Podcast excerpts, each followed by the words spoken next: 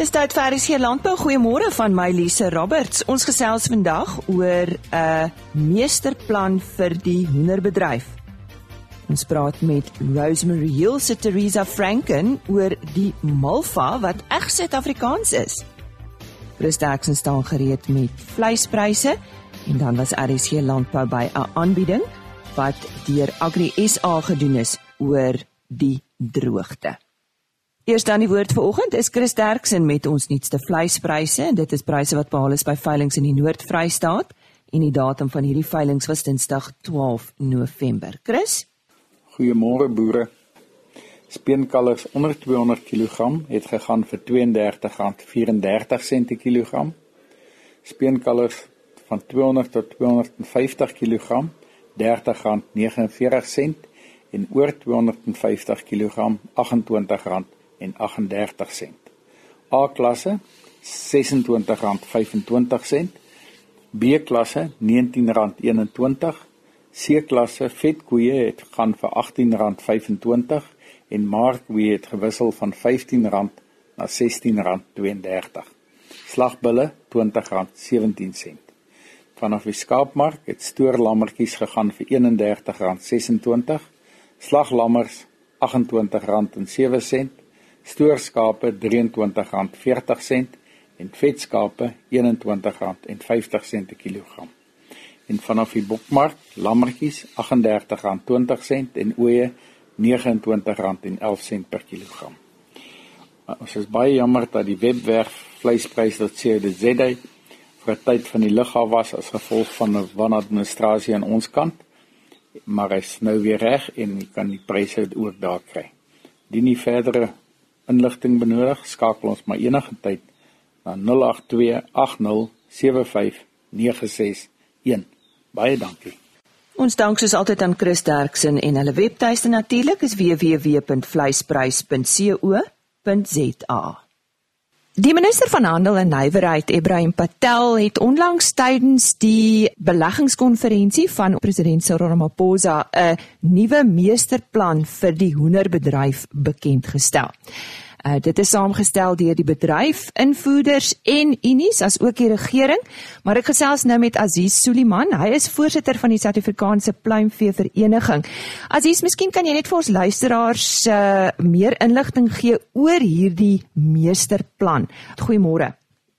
Goeiemôre Elisa. Ehm um, nee, die meesterplan is nou ek dink so 9 tot 11 maande wat ons aan die werk is om dit bymekaar te sit saam met die twee ministers uh, Patel en uh, minister Ditiza. En dit het ontstaan uit die afname in produksie in hoender in Suid-Afrika en die toename van ingevoerde hoender. Oor die afgelope 4 tot 5 jaar het die in, invoer van hoender toegeneem ek dink met plus minus 70% en dit was skrikwekkend en nie te goed vir die plaaslike bedryf nie. So dis hoe dit bymekaar gekom het en ehm um, dis waaroor ons begin werk het en te kyk hoe kan ons iets bymekaar kry met soos u gesê het met die ministers, invoerders en die ehm um, vakbonde. Hoe lank het dit geneem om hierdie plan op die tafel te sit? Dit was so 11 maande gewees wat ons in werking was om, om die plan op die tafel te sit en uh, dit het maar sweet gekos en uh, oor en weer trekkery om te kyk uh, wat gaan die beste vir ons wees maar op die einde van die laaste het ons verlede week geteken saam met die minister minister van ehm um, uh, Patel en uh, dit was 'n um, 'n groot um, geleentheid geweest vir ons. Nou wat gaan hierdie op die ou end beteken vir die hoenderbedryf? OK, die hoenderbedryf, um, dit gaan help om die invoere 'n bietjie in te kort en uh, om vir ons die ehm um, die plaaslike bedryf 'n kans te gee om te groei. En uh, dit gaan baie werksgeleenthede skep en die industrie soos jy ook weet het ge, gegee dink is 1.3 biljoen biljoen biljoen rand, ek dink is miljard in Afrikaans as ek reg is. En ehm um, dit gaan werksgeleenthede skep en dit gaan keer dat die invoere nie so baie inkom meer nie, weet. En van daar's baie uh issues met die invoere. Die hoenderprodusent in Suid-Afrika, uh dit is 'n redelike maklike bedryf om in te kom as ek dink maar in 'n kleiner boer, is ek reg? Ja, kyk, dit is nie te maklik nie, want ehm um, jou kleiner boere word net so geraak soos jou groot kommersiële kleinveeboere. En uh, so as die groot kommersiële uh, ehm um, produsente swaar kry, dan kry die kleintjies ook swaar. jy weet van te, met die droogte wat ons al gehad het 'n um, paar jaar terug nou en die uh, AI uh, influenza wat um, ons ondervind het en het dit die groot en die klein boere seer gemaak. Wanneer hoop julle om resultate te sien van hierdie plan Aziz? Kyk, hierdie plan moet in in werking kom dink by 2023. Uh behoort ons dit te kyk, maar ek dink so vroeg as volgende jaar behoort ons te sien uh die afname in invoere en uh ek dink dit gaan werk. Nou, ons sê baie baie dankie vir die voorsitter van die Suid-Afrikaanse Pluimvee Vereniging, Aziz Suliman. En hy het met ons gesels oor hierdie uh, nuwe meesterplan vir ons hoenderbedryf, ons plaaslike hoenderbedryf in Suid-Afrika. Ons gesels nou verder uh oor natuurlik hierdie meesterplan vir die hoenderbedryf en nou praat ek met Lionel Adendorf. Hy is uh van die Fair Play Movement. Hy is hulle woordvoerder. Nou Lionel, julle hou nou die regering baie fyn dop om te sien of dit wel geïmplementeer word. Waar wil julle hê moet hierdie implementeringsproses begin? Die oorwinning vir die Fair Play beweging is nie die feit dat ons na 3 jaar gesukkel het om 'n meesterplan vir die hoenderbedryf te kry en dit nou uiteindelik gekry het nie. 'n um, Oorwinning vir die Fairplay beweging is natuurlik die suksesvolle implementering van um, hierdie meestersplan. En daarom gaan ons veral 'n um, um, klem plaas op byvoorbeeld 1 die implementering daarvan, die suksesvolle implementering daarvan, want ons is, ons weet dat wanneer die ehm um, die die meestersplan geïmplementeer word soos dit uh, bedoel was kan dit die nodige werksgeleenthede skep die ehm um, ja die die hoenderbedryf versterk en bou en dit kan ook dan uh, die nodige geleenthede in die op en afstroom van die bedryf ehm um, verder dan uh, verseker. Tweedens is ons ook daarvan oortuig dat die uh, meesterplan nie voldoende die die invoer van goedkoper hoender aanspreek nie en dit is dan 'n uh, uh, area wat dan nou monitering verg. En dit is dan nou ook waar um, ons dan nou ook klem gaan lê in die um, veldtog na die uh, meesterplan en ons het um, ons self voorgedoen om dan nou seker te maak dat um, die verbruiker die dan toegang kan hê tot die goed goedkoopste die nie nie die goedkoopste nie maar die gesondste um, proteïenbron wat dan 'n hoender is. En ons wil dan nou dan uh, die die self verskerp om seker te maak dat die um, eker dan in die proses um, beskerm word. Maar Lionel hierdie hierdie plan uh wat wil julle sien moet nou eers gebeur? Kan ons nie by die tarief byvoorbeeld begin nie? En dit is waar ons moet begin. Ons moet begin by 'n tarief wat dan die industrie gaan onderhou. En ook in daardie opsig het die ehm um, Fairplay beweging baie beklei en ons hoop dat die regering ook in daardie opsig na ons ehm um, sal luister um en dat uh, want ons is oortuig dat wanneer ons um 'n goeie um tarief gaan um verseker dat dit dan ook um groter beskerming vir die plaaslike hoenderbedryf gaan inhou. Tweedens moet ons ook seker maak dat voedselveiligheid in die hele proses aangespreek word, dat daar die nodige meganismes is wat vir ons um, die verbruiker um, die nodige beskermingsmaatreëls kan bied, want ons sien steeds um, dat as ons in 'n winkel ingaan, um, kry, kry ons op 'n pak hoender byvoorbeeld 'n keuse van 11 moontlike lande waar die hoender mag vandaan kom. En ons glo dit is verkeerd. Ons het ook um, ons weet ook van um, van van 'n um, 'n proses binne die hoenderbedryf waar hoender as bevrore die land inkom en dan ontvries word of ontdooi word en dan herverpak word en dan op die rakke kom. En ons glo dat dit hou groot gevare in vir ons um, verbruikers en die Fairplay beweging sal soos dit in die afgelope ruk tyd dat sy ontstaan um, voortaan ook beklei um, vir die verbruiker. Ja, ek kan getuig daarvan. Ek het toevallig hierdie naweek by een van ons kettingwinkels wou hoender koop en daar staan baie duidelik waar dit vandaan is en dat dit voorheen bevrore was en ek was eintlik half geskok. En dit is juist die probleem wat ons ervaar en dit is daardie in tweede area wat in Fairplay baie tyd en aandag gaan belê en ons glo dat ehm um, geen um, verbruiker moet ooit daardie keuse hê um, om dan die, die besluit te neem wat um, jy um, hierin aanreik moet neem Ons voel dat alle hoender binne op ons rakke moet aan die hoogste veiligheidsstandaarde voldoen en dat um, ons ons verbruikers die beste keuses moet hê, die gesondste keuses moet hê, want hoender is aan die einde van die dag die mees populêre um, proteïenproduk. Maar Lionel, dink julle die regering het voldoende hulpbronne om hierdie plan te implementeer? Die setlebeweging ehm um, glo dat matter van al die prosesse beter koördineer. Ons het byvoorbeeld ehm um, daar is die die vir die die die die ehm um, veiligheid van uh, ons kosprodukte vind homself binne vier um, regeringsdepartemente binne amper ehm um, 6 7 uh, instellings of regeringsinstellings en dan is daar ook um, amper 'n hand uh, armvol um, regulasies um, vers, oor verskillende departemente heen uh, wat dan nou um, voedselveiligheid aanspreek. En ons glo wanneer dit saamgebring word binne een um, agentskap, dan is daar beter um, manier om dan te verseker dat ons verbruikers um, veilige uh, toegang tot veilige kos het. Um, ons het ook byvoorbeeld nou met die listeriose krisis gesien dat daar was probleme in die koördinering uh, van um, die regering se respons en ons glo dat daarna het die um, regering 'n wake-up call gekry maar dit dit gaan van organisasies soos die Fair Play Movement per om te beklei vir um uh, voedselveiligheid uh, om om om um te advocate en dan nou uh, uh, te, te bemark die idee dat ons uh, uh, al hierdie um, reëls en um, um, um, bewegings binne die voedselbedryf of voedselveiligheidsbedryf beter moet koördineer. Mm. En waar dit begin is natuurlik waar dit ons eie hoenderprodusente beskerm dat hulle met hulle besigheid kan voortgaan. Is ek reg? Wanneer ons ons eie hoenderbedryf beskerm, dit is wanneer ons geleenthede um um ontgin. Dit is wanneer ons werkversekering kan gee aan werkers. Dit is wanneer ons um um um, um versekering van um van arbeid kan verseker of versekering van uh, van produksie kan verseker um vir die verbruiker. En daarom is dit vir ons belangrik soos ek gesê het, het ons vir 3 jaar beklei om hierdie meestersplan um van die grond af te kry en dan nou uiteindelik die produk daar te hê omdat ons glo dat die hoenderbedryf kan voldoende produksie lewer vir die verbruikers, maar dit kan ook um, voldoende geleenthede vir entrepreneurs vir dan ook um, in die op en afstroom van die supply chain verseker en dit kan dan ook die um, Suid-Afrikaanse ekonomie groei. Slegs plaaslike hoender kan ons ekonomie groei en werksgeleenthede skep.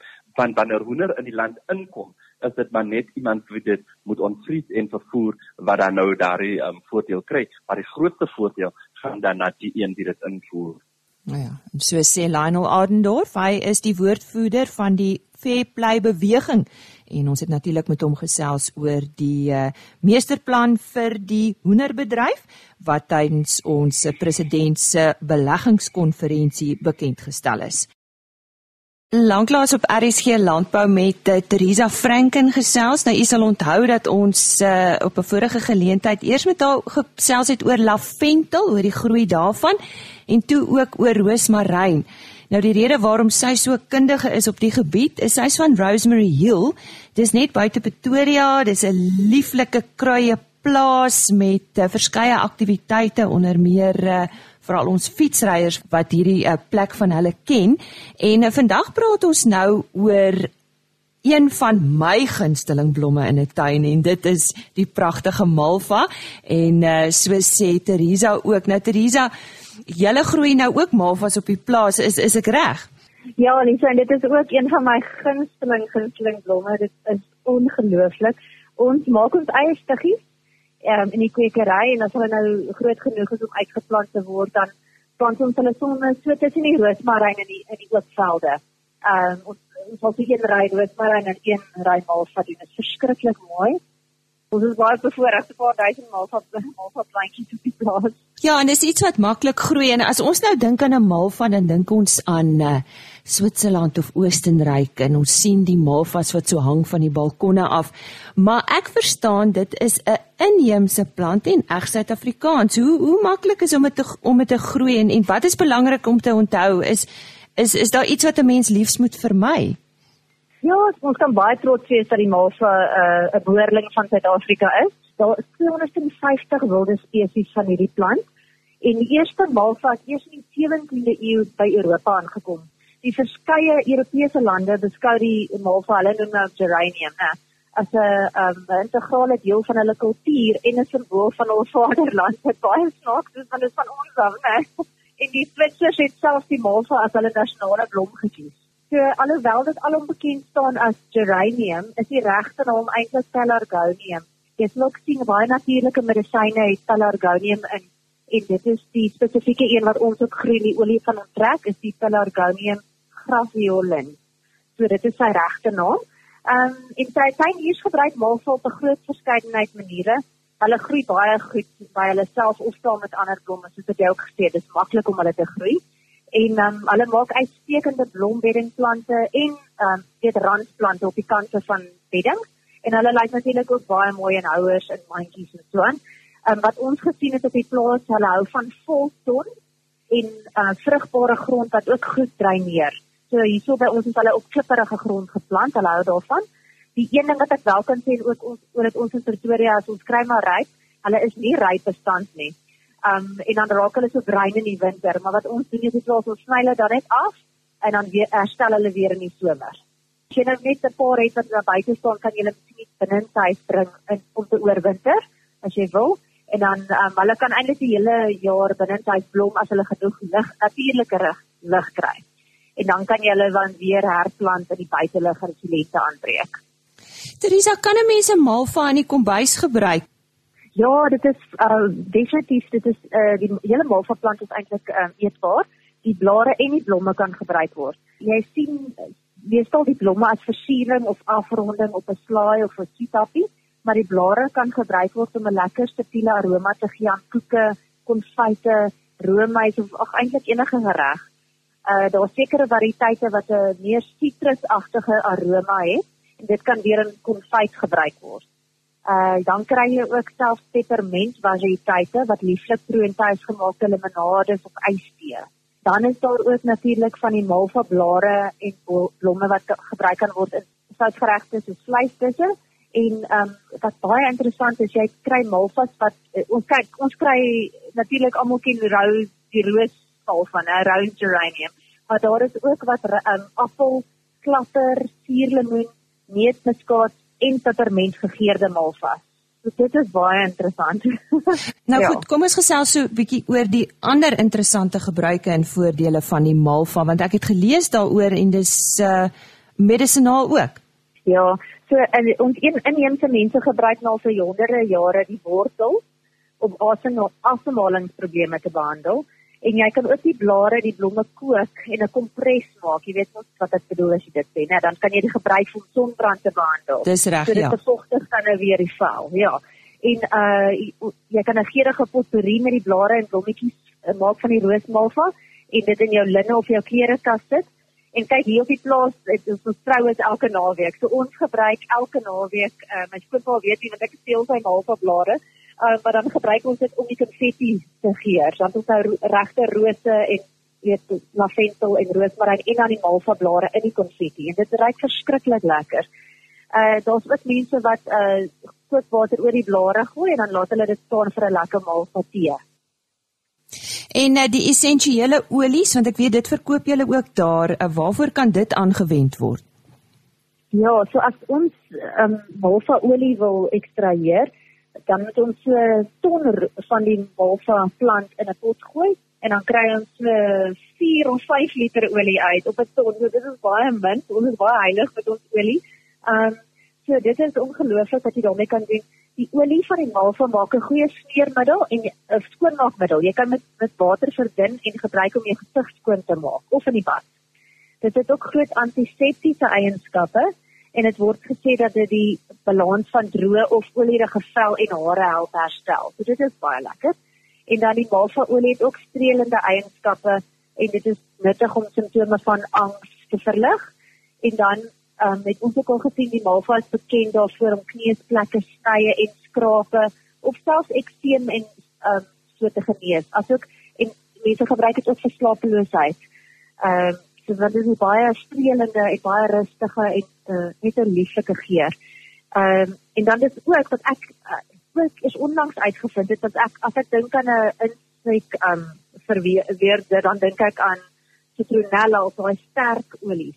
Maar dit is gesê dat die groot dit is 'n groot natuurlike insekweerder en dit is die beste organiese en plantgebaseerde bosluisweermiddel vir honde en mense. En dit het ek nie geweet nie. Sjoe, ja nee, nou leer ek ja. ook 'n paar dinge. ek kan nie dink aan iets wat wat daar roosryk bosluis kan weghou nie, né? Ja nee, definitief. Ja, en uh, ja, soos ek gesê het, dit groei redelik maklik en nou verstaan ek want dit is so reg Suid-Afrikaans. Ja. Daar sê. Ons kan trots wees op die Malva. Ons kan trots wees. Nog iets om op trots te wees in Suid-Afrika. Nee nee nee, nee die, die rugby span nie. Nee. Ja. Uh, ja, sê baie dankie aan Teresa Franken, sy is van Rosemary Hill. Hulle is natuurlik net hier buite Pretoria geleë. En indien jy graag so 'n bietjie daar wil 'n draai gaan maak om te kyk wat hulle alles doen, besoek gerus hulle webtuiste. Dit is www.rosemaryhill.co.za. En Teresa Franken het met ons oor ons pragtige eg Suid-Afrikaanse Malva gesels. Agri Suid-Afrika het Dinsdagoggend die media uitgenooi na 'n aanbieding oor die droogte. 'n Paneel van rolspelers vanuit verskeie landbousektore het uh, die geleentheid gehad om uh, terugvoer te gee oor die impak van die droogte in hulle sektore onder andere Dr Chris van Duyk van die melkprodusente organisasie Gerard Skutte van die RPO Janie de Villiers van Graan Suid-Afrika Adri Kutsopota van Wildbedryf Suid-Afrika en Wian Victor wat oor ons vrugtebedryf gesels het. Die hoof van Agri SA se rampbestuursentrum is Willem Simington. Hy's natuurlik van Agri Noord-Kaap en uh, ek het na afloop van die geleentheid met hom gesels. Willem, ten spyte van die droogte, watter rol speel landbou steeds in plattelandse gebiede alhoewel landbou se bydrae klein is um tot die BBP? Die plattelandse ekonomie is gebaseer op die landbouekonomie. Indien die landbou swaar kry, dan kry nie net uh, die mense op die plase swaar nie, dan kry die mense in die dorpe ook swaar want elke besigheid wat daar is, se winsgewendheid en se lewensvatbaarheid uh, is gebaseer op die landbou. Hoe vergelyk ons droogte met met die res van Afrika? Weet julle? Ek dink die die klimatologiese effekte van die droogte is presies dieselfde. Uh, wat wel is dat uh, ons deur die jare dink ek 'n bietjie uh, smarter boerde geraak het en dat ons dalk 'n bietjie uh, uh, meer veerkragtig is binne in ons benadering tot landbou en dan sou dalk die effekte 'n uh, bietjie beter kan weerstaan.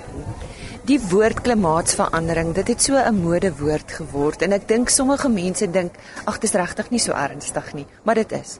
Dis 'n realiteit. Ek ek dink ja. klimaatsverandering is 'n realiteit. Wat egter wel ook 'n feit is, is dat ons nie presies weet wat die effek van klimaatsverandering gaan wees nie. Uh op die kort termyn het ons die data wat ons het ondersteun uh die feit dat hierdie droogte uh, is soos droogtes wat al voorheen in ons land die afgelope 100 jaar voorgekom het. Maar dat klimaatsverandering wel 'n realiteit is en dat ons wel sal moet uh, baie vinnig plan maak om seker te maak dat ons is reg gerad daarvoor is is 'n feit. Plattelandse ekonomie se bydrae tot nasionale ekonomie. Ons het nou klaar daaroor gepraat, maar het julle syfers? Ons het ongelukkig uh, die syfers is is is is redelik groot en redelik vaag want elkeen van die provinsies kan vir jou sê maar die uh, lewende hawe industrie binne in die provinsie dra by uh, soveel biljoen rand en uh, daar het soveel biljoen rand verliese gekom op 'n syfer wat vinnig in my kop kom uh, jaarliks 750 miljoen rand se inkomstebelasting verlore uit die Noord-Kaap as gevolg van die droogte. So dit is massief. Die ding het 'n ander effek ook. Mense word op plase huisvesting gegee. Uh uh daar's 'n soort van 'n sosiale infrastruktuur wat in stand gehou word en indien jy die landbousektor verloor, dan gaan hierdie meer verstedeliking met gepaardgaande druk op jou plaaslike munisipaliteite met huisvesting, lewering van dienste en al hierdie effekte wat wat uh, met verstedeliking gepaard gaan, gaan 'n werklikheid wees. Nou ek weet ons boere maak staat op Agri SA om hulle te help. Nou ek wil jy jy moet vir die boere sê wat kan Agri SA doen en wat kan hulle nie doen? Die eerste ding wat Agri SA eh, nie kan doen nie. Agri SA kan nie kan nie die gedeelte wat die liewe Vader wat vir ons almal sorg vervang nie. Hy is nommer 1 die steunpilaar vir die landbousektor in Suid-Afrika en hy sal vir ons sorg. Wat Agri SA wel kan doen, is ons kan hierdie uh, fondsinsameling gedeelte kan ons dryf deur op al drie vlakke, nasionaal, provinsiaal en op distriksvlak, soveel as moontlik uh, skenkings gegenereer te kry en donasies gemaak te kry om mense wel te help om te oorleef. Wat Agri ook nie SA ook nie kan doen nie, hy dra nie nasionale tesourier se beursie nie. Met ander woorde, hy kan nie ramp ramp rampgeld uitdeel nie. Maar hy kan wel op die regte plekke die regte feite op die tafel plaas en daardeur druk plaas op die regering om wel sy verantwoordelikheid na te kom en in hierdie verskriklike groot krisis wel die landbousektor finansiëel te ondersteun. En daar was nou 'n vraag uit die gehoor uit hoeveel is nodig om te help en dit is eintlik moeilik om te, te bepaal en jy het gepraat van 1 miljard rand is nodig. Maar dit is nou nodig en dit beteken nie dit gaan oor môre dalk weer nodig wees nie, is ek reg? Uh, uh, hierdie 1 miljard wat ons van praat is is net die behoeftes om diere kos te gee vir 3 maande lank in hierdie droogte. En of dit nou reën en of dit nou nie reën nie, dit reën nie 'n uh, uh, gras nie, dit reën ook nie geld nie. Met ander woorde, binne in die provinsies wat diere op 'n daaglikse basis kos nodig het, is 1 miljard rand nodig vir die volgende 3 maande. Maar baie beslis indien dit vir die volgende 3 maande dan nou nog nie gereën het nie, dan gaan daar weer geld nodig wees. Uh, want daardie diere gaan nie na 3 maande ophou eet nie. Ons het dalk nou 'n luisteraar wat nie 'n boer is nie of wat wel 'n boer is waar dit goed gaan en hulle wil help. Wat staan hulle te doen? Wat is die beste? Uh, jy kan op drie maniere help. Uh en almal is gekoppel aan Agri Suid-Afrika. Jy kan op nasionale uh, by Agri SA self by sy rampdroogtefondse bydra maak. In elkeen van ons 9 provinsies het ons 'n provinsiale affiliasie. Jy kan daar 'n bydrae maak en elkeen van hierdie distrikte in ons land wat onder rampdroogte gebuk gaan, het elkeen ook 'n fondsinsamelingsaksie, so jy kan daar ook help. Uh op al drie vlakke kan ek jou verseker dat die geld op die mees effektiewe en deursigtige manier gespandeer word wat daar moontlik is. En dan julle het nou 'n uh 'n hulplyn gestig want Willem dis nie net geld nie, dis emosies. Dis moedeloos. Dis in die oggend wakker word van ek kan nie meer nie. Waar kom my hulp vandaan? Ons weet waar ons hulp vandaan kom, maar vertel ons bietjie van dit wat julle ook begin het vir vir hulp aan ons boere. Ek dink vir vir boere is daar nie 'n plan B nie. Uh ons almal kan nie die landbousektor verlaat en uh verwag om met oop arms in die res van die ekonomie ontvang te word en werke aangebied te word nie. Ons het nog altyd geboer, ons kan boer en ons gaan nog altyd boer. Die effek is net eh, vir 4 en vir 5 jaar die negatiewe impak wat elke dag op op op uh, landbouers, hulle gesinne, hulle werkers en hulle kinders en hulle gemeenskappe is geweldig. Maar ek weet die Suid-Afrikaanse landbouer is 'n taai taai taai mens. En hy gaan met die hulp van die Here gaan uit hierdie krisis kom en ons gaan weer bruinwaterstrome sien. Ons gaan weer goeie oes te maak. Ons gaan weer vet lammers bemark. Uh ons moet net deur hierdie baie moeilike tyd kom. Nou ja, ons dink ook aan elke boer wat sukkel tydens hierdie droogte en ons glo daar sal verligting kom. Dit was dan uh, die stem van Willem Simington. Hy is uh, die hoof van Agri SA se rampbestuursentrum. Ons wil net graag uh, Agri SA se webtuiste besonderhede gee.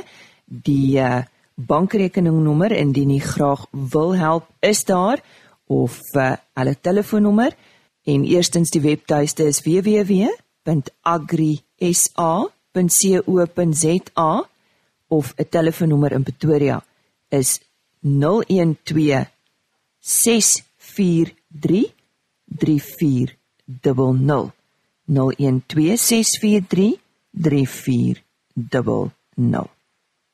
Ja, vanuit 'n nat Gauteng en ons is baie dankbaar ook vir die reën wat hier geval het die afgelope paar dae. Sê ek Lise Roberts, mag u 'n wonderlike naweek beleef. Spandeer tyd met die familie, hulle is kosbaar en uh, ons is dankbaar dat u soggens saam met ons kuier. Tot maandagooggend om 05:30. Totsiens. RSG Landbou is 'n produksie van Plaas Media. Produksieregisseur Henny Maas. Aanbieding Lisa Roberts. En inhoudskoördineerder Jolandi Root.